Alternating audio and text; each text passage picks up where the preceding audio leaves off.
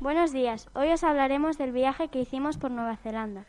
Yo soy Estela y os lo contaré junto con mis compañeros de viaje, Roy y Adrián.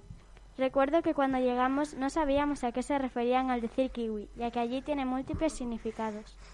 Ja, ja, ja. ¿Recordáis lo rico que estaba el hangi que comimos todos juntos esa noche? Por eso, si no lo sabíais, el hangi es un plato muy típico de allí.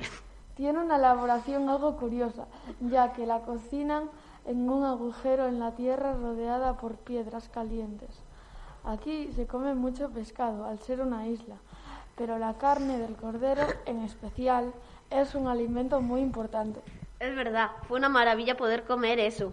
Por cierto, un dato importante, su comida principal es la cena, así que si vas allí, prepárate para una genial cena.